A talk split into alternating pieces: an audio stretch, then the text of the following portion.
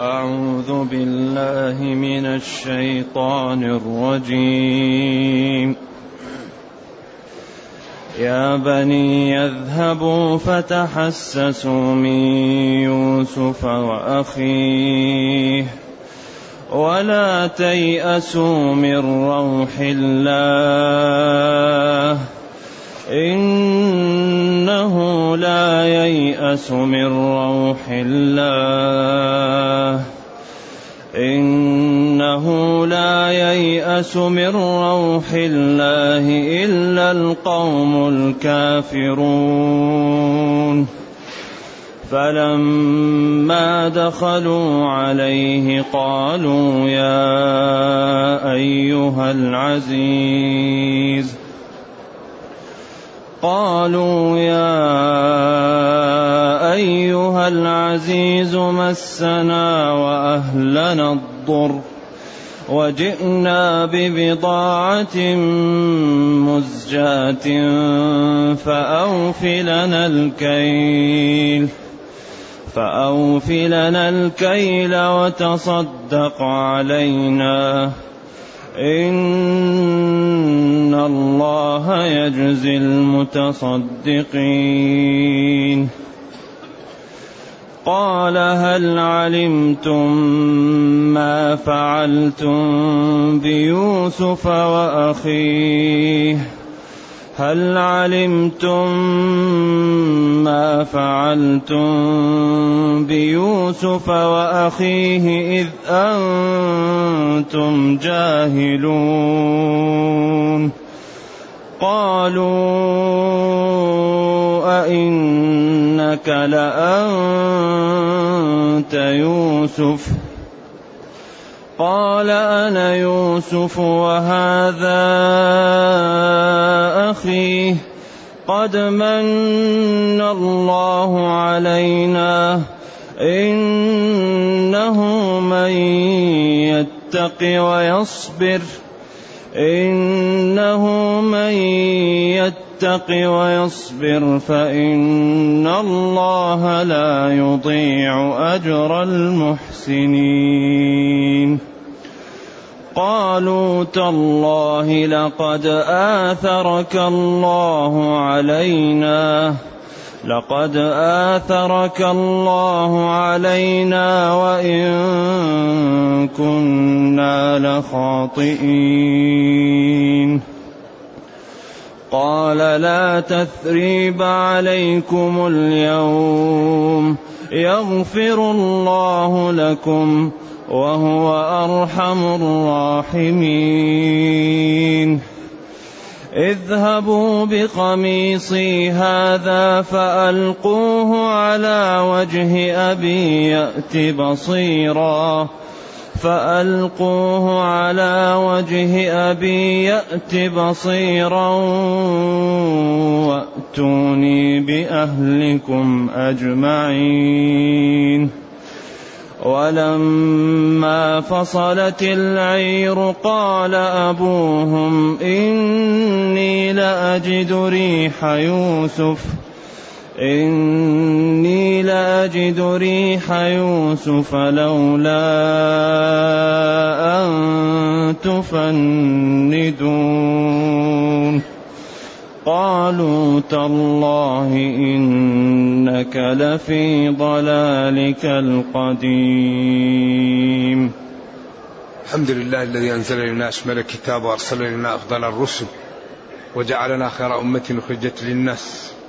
فله الحمد وله الشكر على هذه النعم العظيمة والآلاء الجسيمة. والصلاة والسلام على خير خلق الله وعلى آله وأصحابه ومن اهتدى بهداه. أما بعد فإن الله تعالى يقول أول الكلام لما أرادوا أن يرجعوا ليأتوا بميرة وانتهى ما عندهم من الميرة قال لهم يعقوب يا بني يذهبوا اذهبوا إلى مصر. فتحسسوا ابحثوا عن يوسف وأخيه.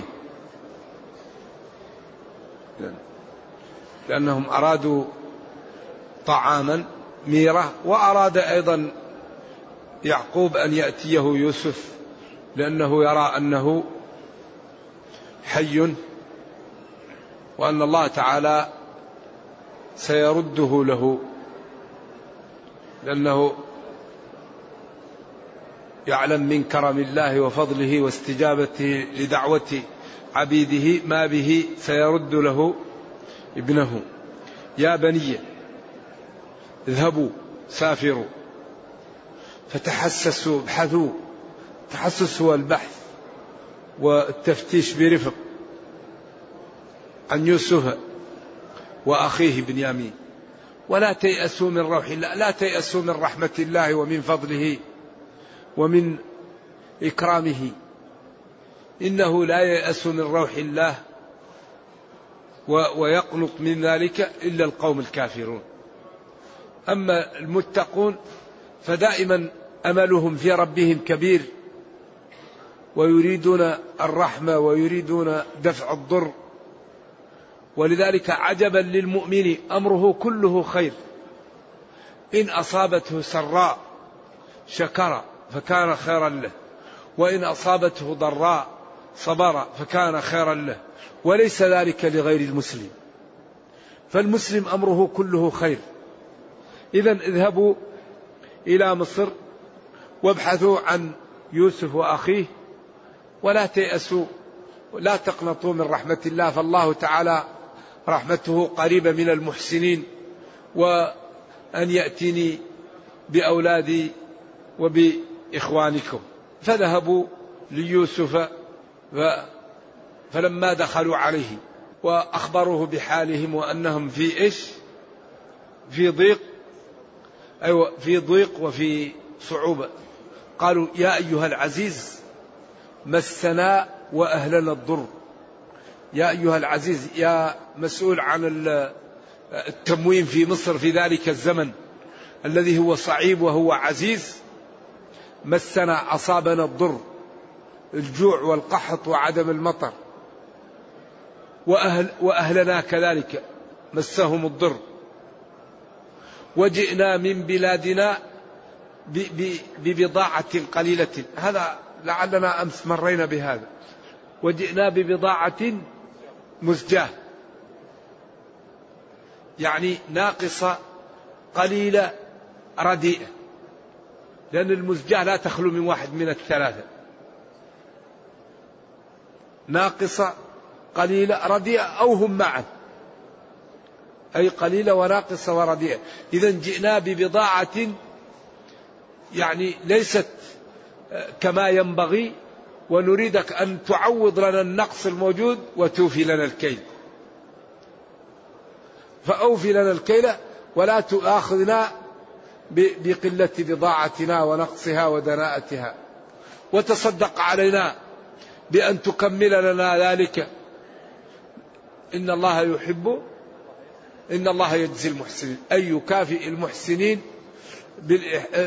إن الله يجزي المتصدقين. إن الله تعالى يكافئ المتصدقين لأن المتصدقين من المحسنين. ولذلك ورد أن الصدقة بعشر أمثالها. أقل شيء الصدقة بعشر أمثالها. إلى زد إلى سبعمائة إلى أضعاف كثيرة. لذلك أمر بالبذل. لأن البذل فيه منافع للمسلمين. أول شيء يجعل التحابب بين المسلمين. ثاني شيء يجعل التآلف ويزيل الضغينة. وفيه نوع من المروءة والمواساة. لذلك أوجب في أموال الأغنياء جزءا للفقراء. ووعد بأن المال الذي ينفق منه لا تنقصه النفقة والله ما نقص والله ما نقص مال من صدقة. لا توكي فيوكي الله عليك. من الذي يقرض الله قرضا حسنا؟ فيضاعفه له أضعافا كثيرة. مثل الذين ينفقون أموالهم في سبيل الله كمثل حبة أنبتت سبع سنابل في كل سنبلة مئة حبة والله يضاعف لمن يشاء. إذا تصدق علينا إن الله يجزي المحسنين. المتصدق إن الله يكافئ المتصدقين. ولذلك ذبحوا آل بيت النبي صلى الله عليه وسلم شاة يقال إنهم تصدقوا بها وبقي منها عظم واحد. قال كلها بقية إلا عظم. دين رائع. الإنسان إذا ما كان عنده يعني شيء كثير يكثر الماء على اللحم حتى يعطي لجيرانه. وإذا أتى بفاكهة يعطي لجيرانه منها. فإذا لم يعطيهم منها يدخلها في البيت مخبئ لها.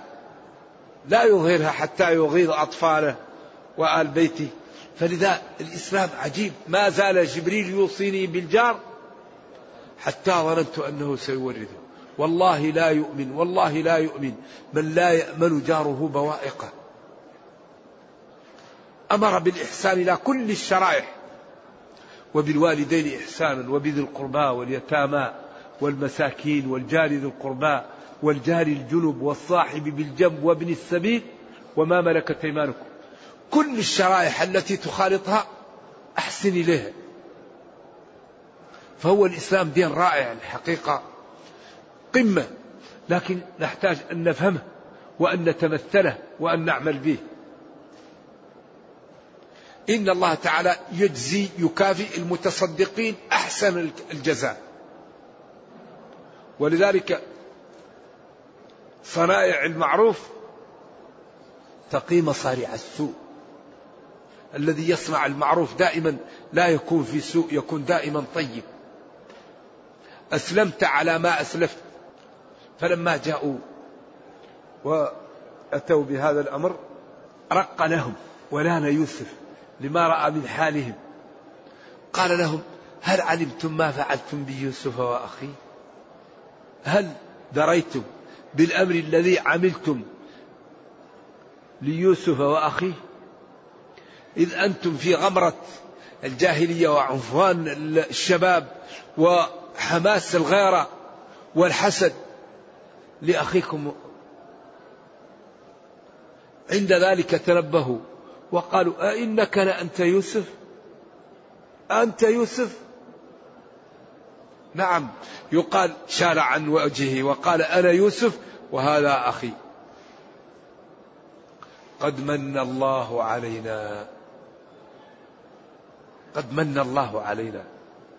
من الله علينا بأن نجانا وأكرمنا ومكن لنا وجمعنا وأعطانا ما أعطانا حتى أنتم تأتوننا وأنتم في حاجة ونحن نسد لكم الحاجة. قد من الله علينا. إنه أي الأمر والشأن. من يصبر إنه من يتقي ويصبر. لا بد من الاثنين. يتقي ويصبر. ولذلك لا يوجد شيء أنفع للمسلم والمتقي والصادق من الزمن. الزمن كفيل بأن يظهر الصادق. الزمن كفيل بأن يظهر المحق.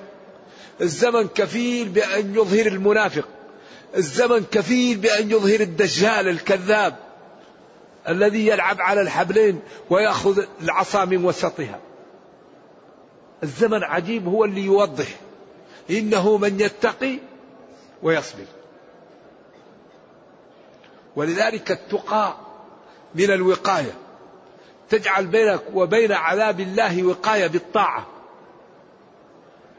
تغض البصر تكف اللسان تمنع السمع تمنع البطن تمنع الفرج تمنع الرجل تمنع اليد. ما تعمل حرام تتقي. كل جسمك وكل موارد العلم لا تستغلها إلا في شكر الله. كما قال تعالى وجعل لكم السمع والأبصار والأفئدة لعلكم تشكرون. الله جل وعلا يقول والله أخرجكم من بطون أمهاتكم لا تعلمون شيئا. وجعل لكم السمع والأبصار والأفئدة لعلكم تشكرون. أعطاكم موارد العلم لشكر الله.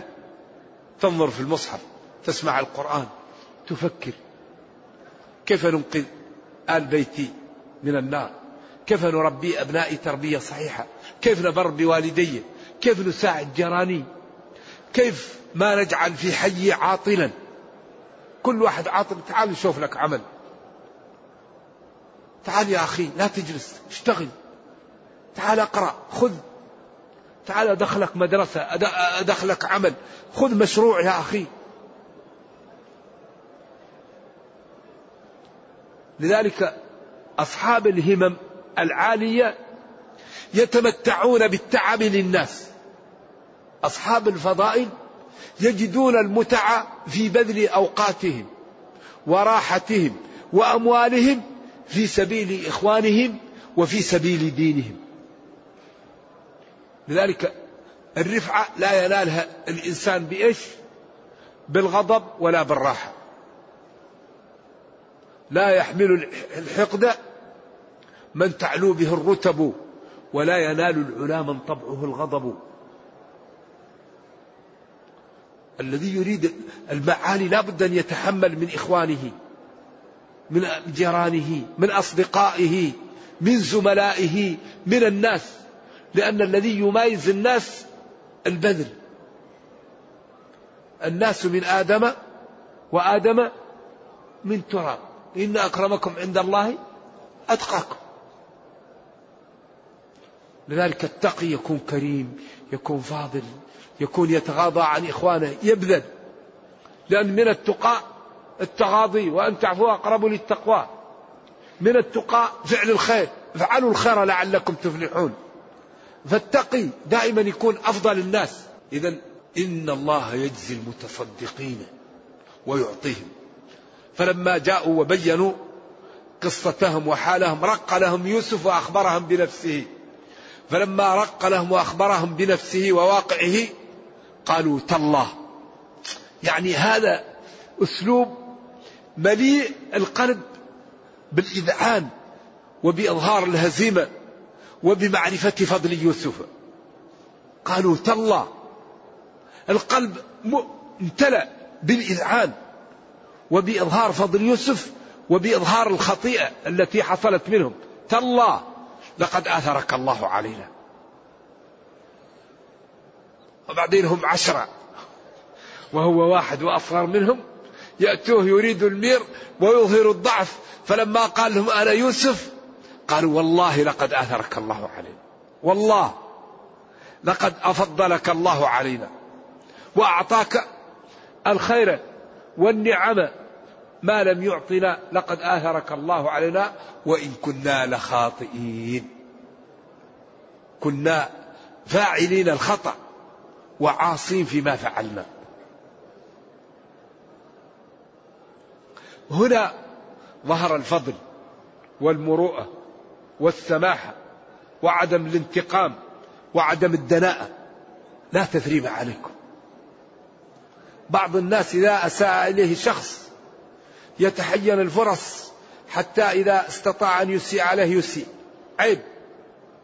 وأن تعفو أقرب للتقوى. نبينا لا ينتقم لنفسه. وربنا قال صلى الله عليه وسلم وربنا قال لقد كان لكم في رسول الله أسوة حسنة. ما انتقم لنفسه قط. أبدا. ينتقم لله.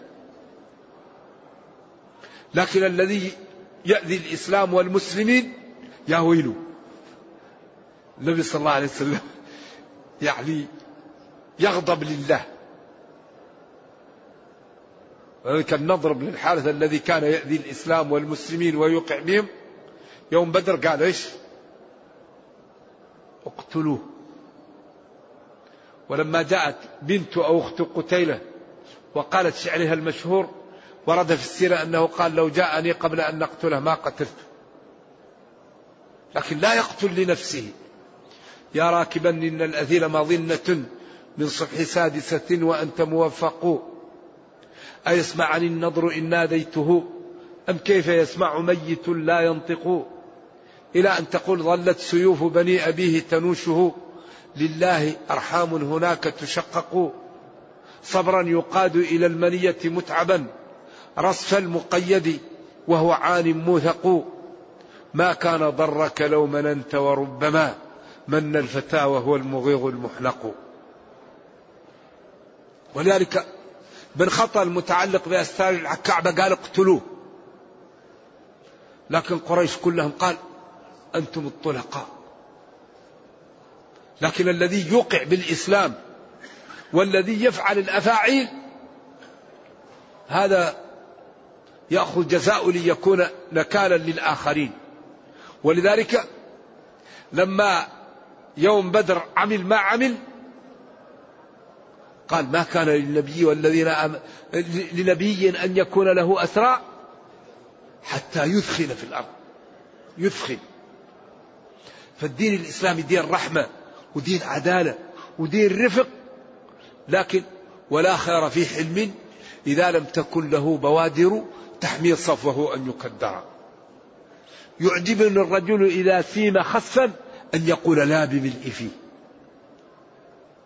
ذلك الإسلام يكرم ويرحم ولكن أيضا إذا الإنسان تطاول على الدين لا بد أن يؤخذ ما يؤترك. ذلك الدين قائم بالتوازن كل شيء في محله. قال لا تثريب عليكم تثريب لا ذنب لا عتاب لا عيب لا مضضة لا ملامة. يغفر الله لكم. دعاء. وهو أرحم الراحمين.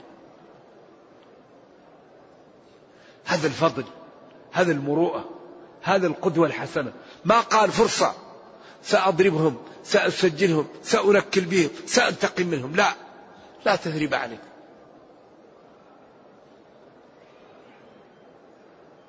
يغفر بعدين قال يغفر الله لكم. والله تعالى أرحم الراحمين.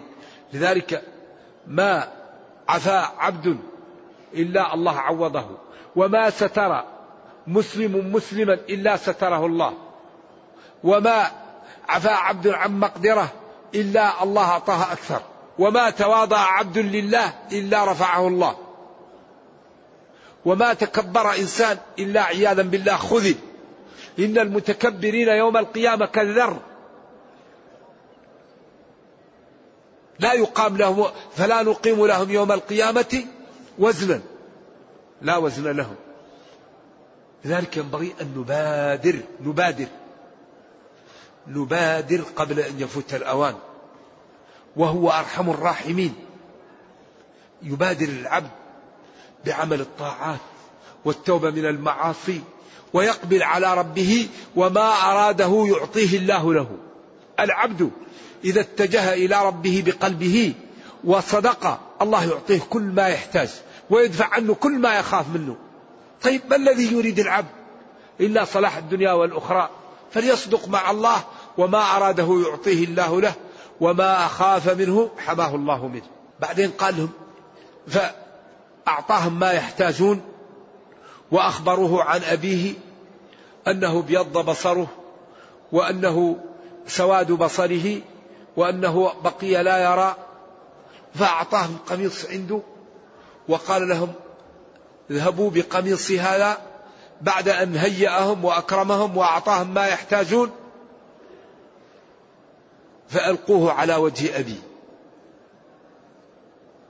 يعني اذهبوا بقميصي هذا الذي أعطيتكم واجعلوه على وجه أبي يرجع بصيرا ينظر يرى. بعدين وأتوني بأهلكم أجمعين. كانوا تسعين. يوسف وأولاده وأحفاده وأقرباؤه. يقال إنهم لما أخذوا القميص و ومشوا وخرجت العير من المدينة وانفصلت. قال يوسف قال يعقوب إني لأجد ريح يوسف. بعدين هنا إسرائيليات كثيرة لا يصح منها شيء. قيل هذا القميص الذي ألبسه الله لإبراهيم من الحرير من الجنة لما رمي في النار. هذا لا يصح. إسرائيليات. وقيل القميص الذي شقته زليخة لما مسكته في الآخر أو مرأة العزيز. إن كان قميصه قد هو نفس القميص هذا. وقيل لا قميص من أقمصته هو معجزة آية له هو. قال وهذا الذي يدل عليه ظاهر القرآن ولا أعرف شيء في هذا يصح مسند وإنما هي إسرائيلية. فلما جاء وألقى على وجه أبيه فارتد بصيرا. ارتد يبصر ويرى. فقال للذين معه أو لأولاده ألم أقل لكم؟ إني أعلم من الله ما لا تعلمون. تقول أنتم لي تالله تفتأ تذكر يوسف حتى تكون حرضا. قال إنما أشكو بثي وحزني إلى الله. ما أشكو لكم. وأعلم من الله ما لا تعلمون.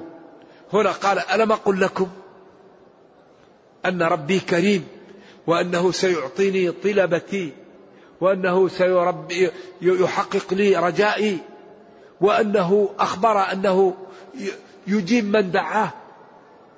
ولذلك كان السلف يقول أنا لا يهمني إلا أن ندعو يكفيني أني أدعو. إذا دعوت الله سيعطيني. لكن المشكلة بعض المسلمين يصرفه الله عن الدعاء. بين الأذان والإقامة لا يدعو. دبر الصلاة لا يدعو. بعد الإفطار لا يدعو. في جوف الليل الأخير لا يدعو. وهذه أوقات الخيرات مفتحة فيها. والإنسان يغرف يغرف والشيطان يبعد الإنسان عن الدعاء. لذلك ربنا يقول ادعوني أستجب لكم. بعدين الدعاء يغمرك. بعدين سهام الليل لا تطيش. سهام الليل أمرها عجيب. وبالأخص إذا كان صاحب السهم مظلوم. المظلوم إذا جاء في الليل وفي أوقات الإجابة ودعا وبكاء غصبا يستجب له.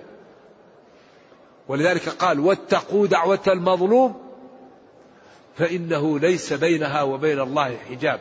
لذلك حذاري حذاري حذاري من الظلم. المشكلة من يظلم الناس. يا ويل من يظلم. لا يظلم المسلم. لأن هذا عبد الله هذا خلق الله. إن الله يحمي خلقه فأنت تظلمهم لذلك قال يا عبادي إني حرمت الظلم على نفسي وجعلته بينكم فلا تظالموا. أخطر شيء الظلم. الظلم عجيب وهذه المعاصي شؤمها يكون في العمر وفي المال وفي الولد وفي ولد الولد. وكل مشكلة في الدنيا سببها المعاصي. أي قضية لازم تكون وراها معصية. ظهر الفساد في البر والبحر. قل هو من عند أنفسكم. لذلك أعداء المسلمين عرفوا من الإسلام أن أكبر ما يقوض المسلمين المخالفة. فلذلك يتمنوا أن المسلمين يكفرون. ودوا ما عنتم. قد بدت البغضاء من أفواههم وما تخفي صدورهم أكبر. قد بينا لكم الآيات إن كنتم تعقلون. عضوا عليكم الأنامل من الغيظ. ولا يوجد شيء أنفع للمسلمين ولا أكثر نصرا ولا أدفع للعدو من الاستقامة. الاستقامة أمرها عجيب. لكن من الاستقامة ماذا؟ التعاون من الاستقامة عدم الخلاف من الاستقامة الإعداد من الاستقامة معرفة الصادقين من الاستقامة البعد عن, عن, عن كل ضرر. لو استقام المسلمون كما طلب منهم لما بقي كافر إلا من كتب الله له الشقاوة. أكبر دعوة للدين أن نستقيم. لو تستقيم وما تدعو الناس الناس يحبون الإسلام. لأن المستقيم لا يظلم ولا يكذب ولا يسرق ولا يزني ولا يرابي يتصدق ينفق يصلح ذات البين يفعل الخير. فهو كتلة من الخير تمشي. فكل من رآه استفاد منه. كل من رآه يعني أحب أن يكون مثله. فلا يوجد شيء أنفع من الاستقامة.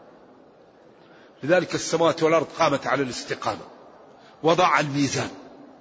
أن لا تطغوا في الميزان. دين رائع.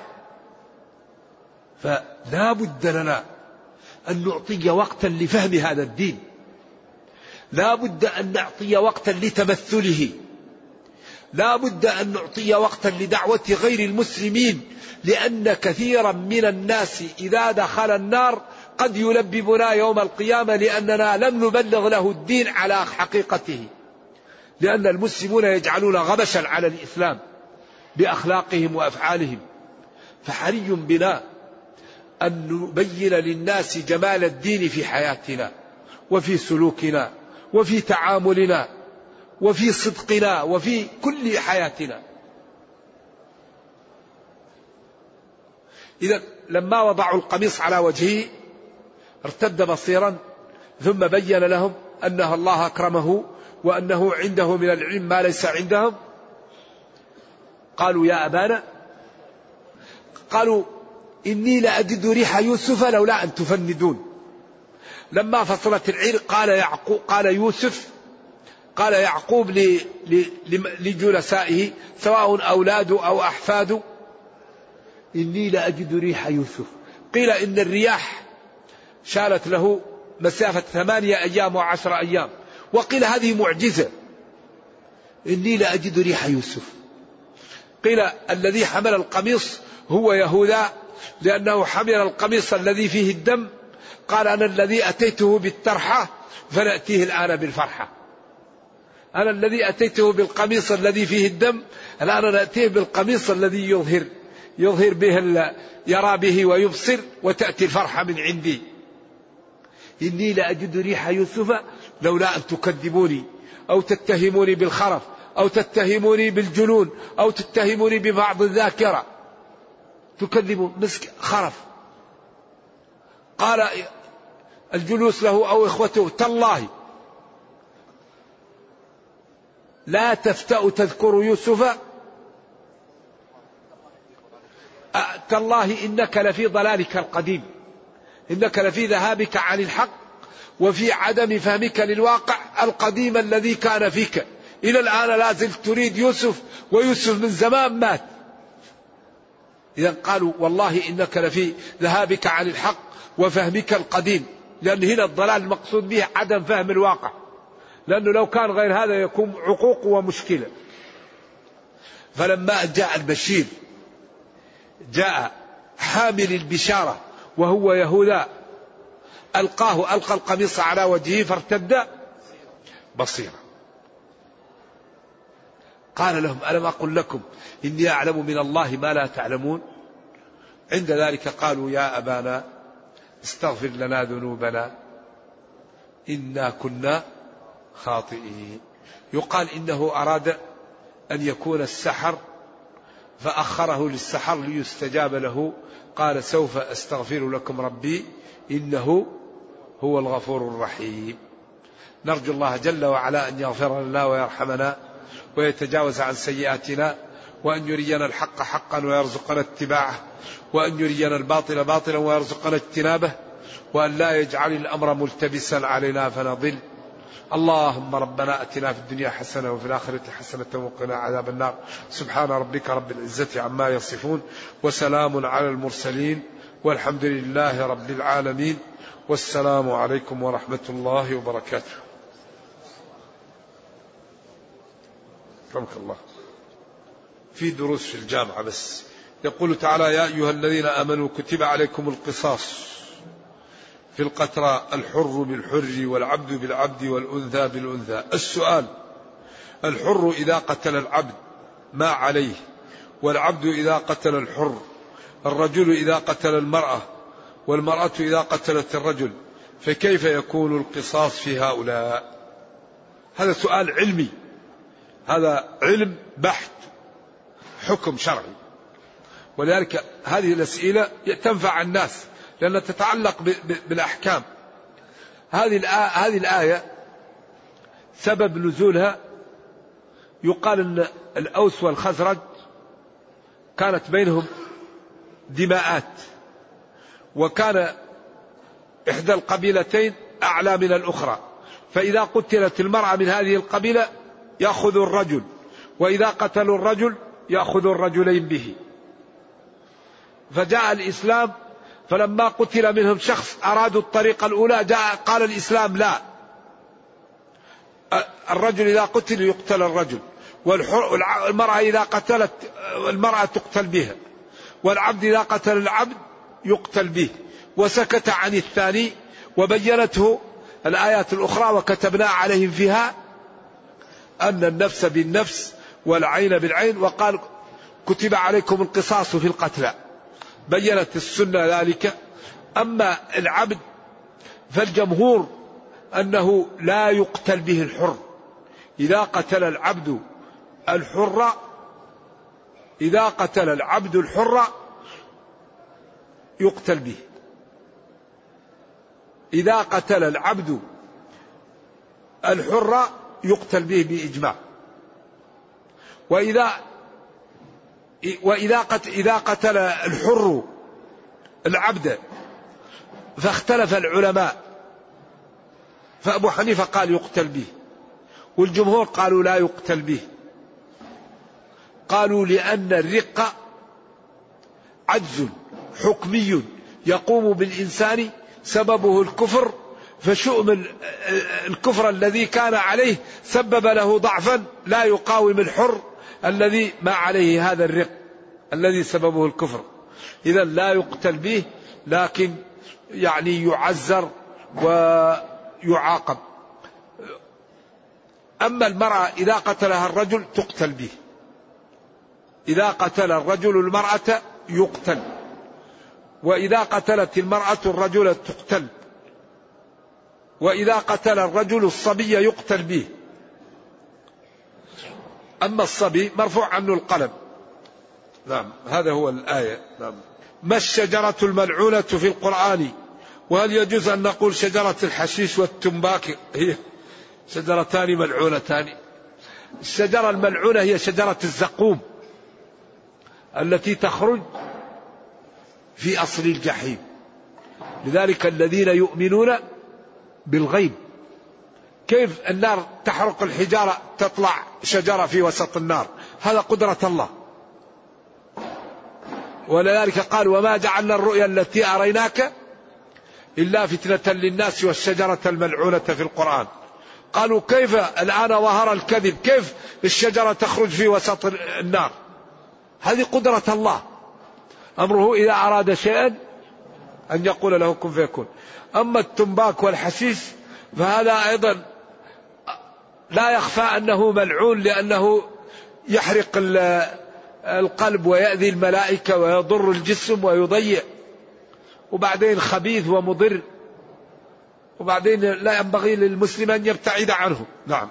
إذا صليت الوتر ثلاث عشرة ركعة. هل أتشهد واحد أو اثنين؟ يكفيك تشهد واحد. أيوة. يعني صليها. 11 ركعة وبعدين تسلم وإذا أو ركعتين ركعتين ركعتين وتسلم. أو تصلي ثلاث ركعات مع بعض وتسلم. كله أما تجلس فيها لا.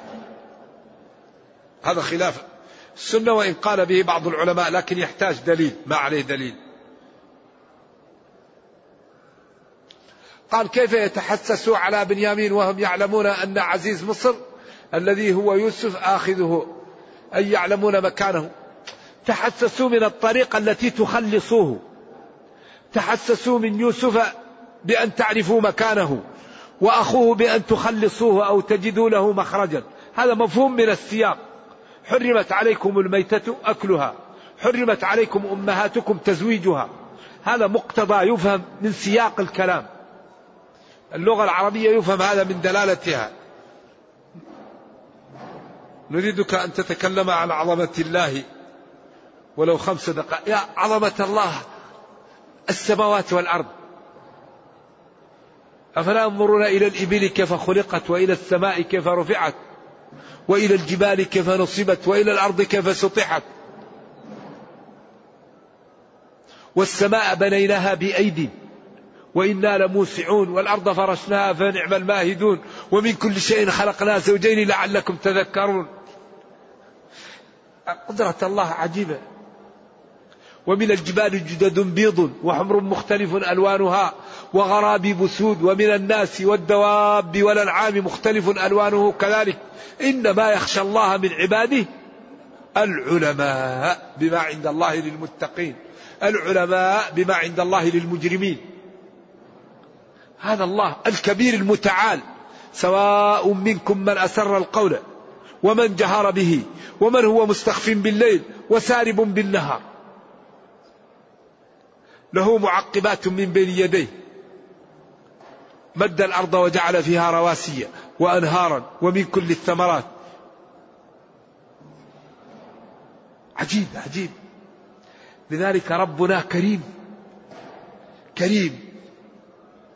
لا يعاجل بالعقوبة ويتوب على من تاب.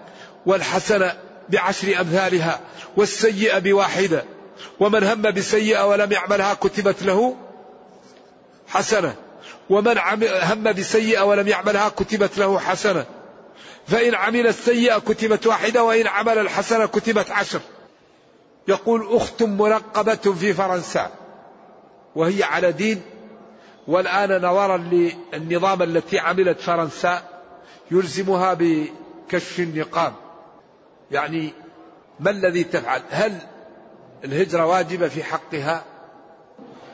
أي مسلم يستطيع أن يكون مع المسلمين ويأمن على نفسه وماله؟ أفضل له ذلك. لكن إذا كان الإنسان يقيم في الغرب ويظهر الدين ولا يتعرض له ويجعل بيئة إسلامية ليش نحن ما نجعل الغرب يكون مسلمين؟ الآن لماذا لا نكون أحياء في الغرب ونجعل فرنسا وأمريكا وأوروبا كلها تدخل في الإسلام بالأخلاق الطيبة وبالسلوك الطيب وبإظهار الدين. لذلك نحن هناك الجالية الموجودة هناك تعمل ثلاثة أمور ويقوم الدين. تعمل حي وتبني مدرسة عربية ومسجد ويقوم الدين. حي. يسكنون بجانب بعض. ويعملون مدرسة عربية يتكلم العربية يفهم القرآن والسنة. ويكون في مسجد يؤذن فيه وتقام الصلاة ويقوم الإسلام. لكن مشكلة المسلمين النفرة من بعض. والخلاف. ومن يكون رئيس الجمعية ومن يكون أمين الصندوق. هذه مشاكل المسلمين في الغرب. لا بد أن نحل مشكلة من أمين الصندوق ومن رئيس الجمعية. نكون نتفق ونسكن جنب بعض ونقيم الدين. هذه الأخت تسأل الفقهاء الموجودين معها في فرنسا لأن الفتوى لها علاقة بالعرف ومعرفة أوضاع البلد. والذي بعيد يكون فهمه للأمر ناقصا. فالذين يوجدون من الفقهاء عندها في المحل تسألهم وهم أبصر بذلك الأمر والله أعلم. ياسين لما قرأت له؟ هل هذا حديث؟ لا أعرف حديث لكن القرآن شفاء وبركة ونور وتقرأ القرآن لما تريد. تقرأه للعبادة تقرأه للشفاء. وننزل من القرآن ما هو الشفاء. وكل ما قرأت القرآن الحرف بعشر حسنات وتستشفى به وتريد به من الله يعطيك إياه. لأن هذا كلام الله. لكن ينبغي أن الإنسان يتبع في كل ما ورد. نعم. يقول الصلاة في الباخرة تجوز والصلاة في الطائرة لا تجوز. ما الفرق بين الباخرة والطائرة؟ يا أخي الطائرة على جرم وهو الهواء والباخرة على جرم وهو الماء. ومتصلة بالأرض والباص على جرم وهو الأرض والصلاة تصح في الطائرة وتصح في الباخرة وتصح في الباص إن قمت بالأركان لأن الصلاة لها أركان 14 أو 15 ولها شروط تسعة ولها واجبات ولها سنن وأنداب فإذا قام المسلم بالشروط والأركان والواجبات صحت الصلاة. السنن والأنداب إذا عملهم يزيد الأجر وإذا لم يعملهم لا تفسد الصلاة. فالصلاة في الطائرة الصحيح أنها صحيحة وأن الطائرة متصلة بالأرض عن طريق الهواء وهي تمشي على الهواء والهواء ملتصق بالأرض. لذلك ترى القربة المليئة بالهواء والمليئة بالماء لا تفرق بينهم إلا إذا لمستها وترى أكبر سيارات ماشية على الهواء على الإطار.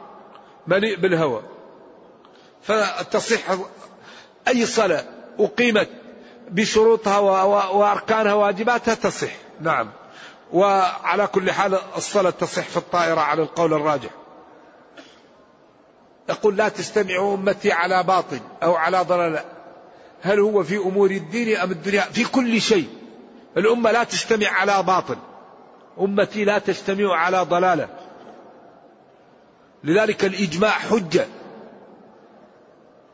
قالوا الإجماع لأنه النص الذي عليه الإجماع أمن نسخه. يقدم على الكتاب والسنة. لأن النص الذي عليه الإجماع لا ينسخ. لأن الإجماع لا يكون إلا بعد النبي صلى الله عليه وسلم. لكن الإجماع إذا وجد حجة لكن وجوده صعب. يقول هل أمور الدين الدنيا وما لا لو انقسم المسلمون نصفين متساويين في أمر الدين كسنة القبض والسدل؟ يا أخي عندنا ميزان. انقسموا. النبي صلى الله عليه وسلم قال فإن تنازعتم في شيء فردوه إلى الله والرسول.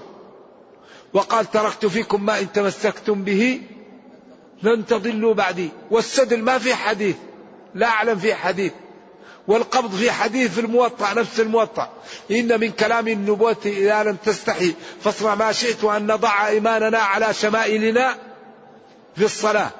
وفي بعض أيضا التفاسير وإن كان في ضعف وصل لربك وانحر. واضع يدك على نحرك.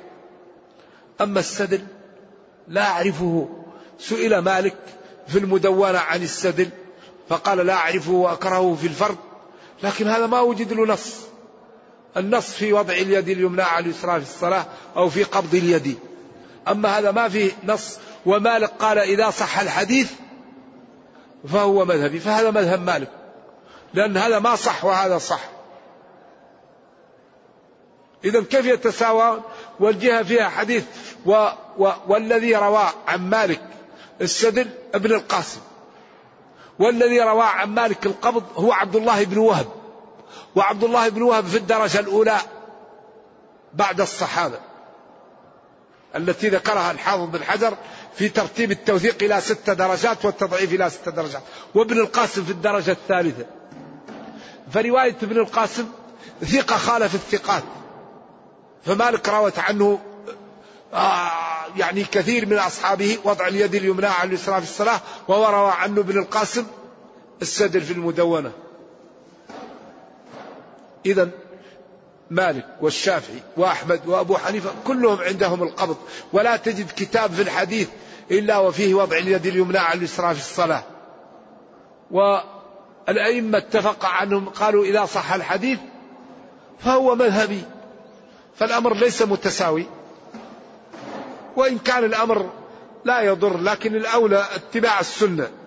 نعم. لاستجابة الدعاء في جوف الليل يكون تقول غضبا على من؟ إيش؟ هذا إذا كنت غصب هذا يعني سبق لسان.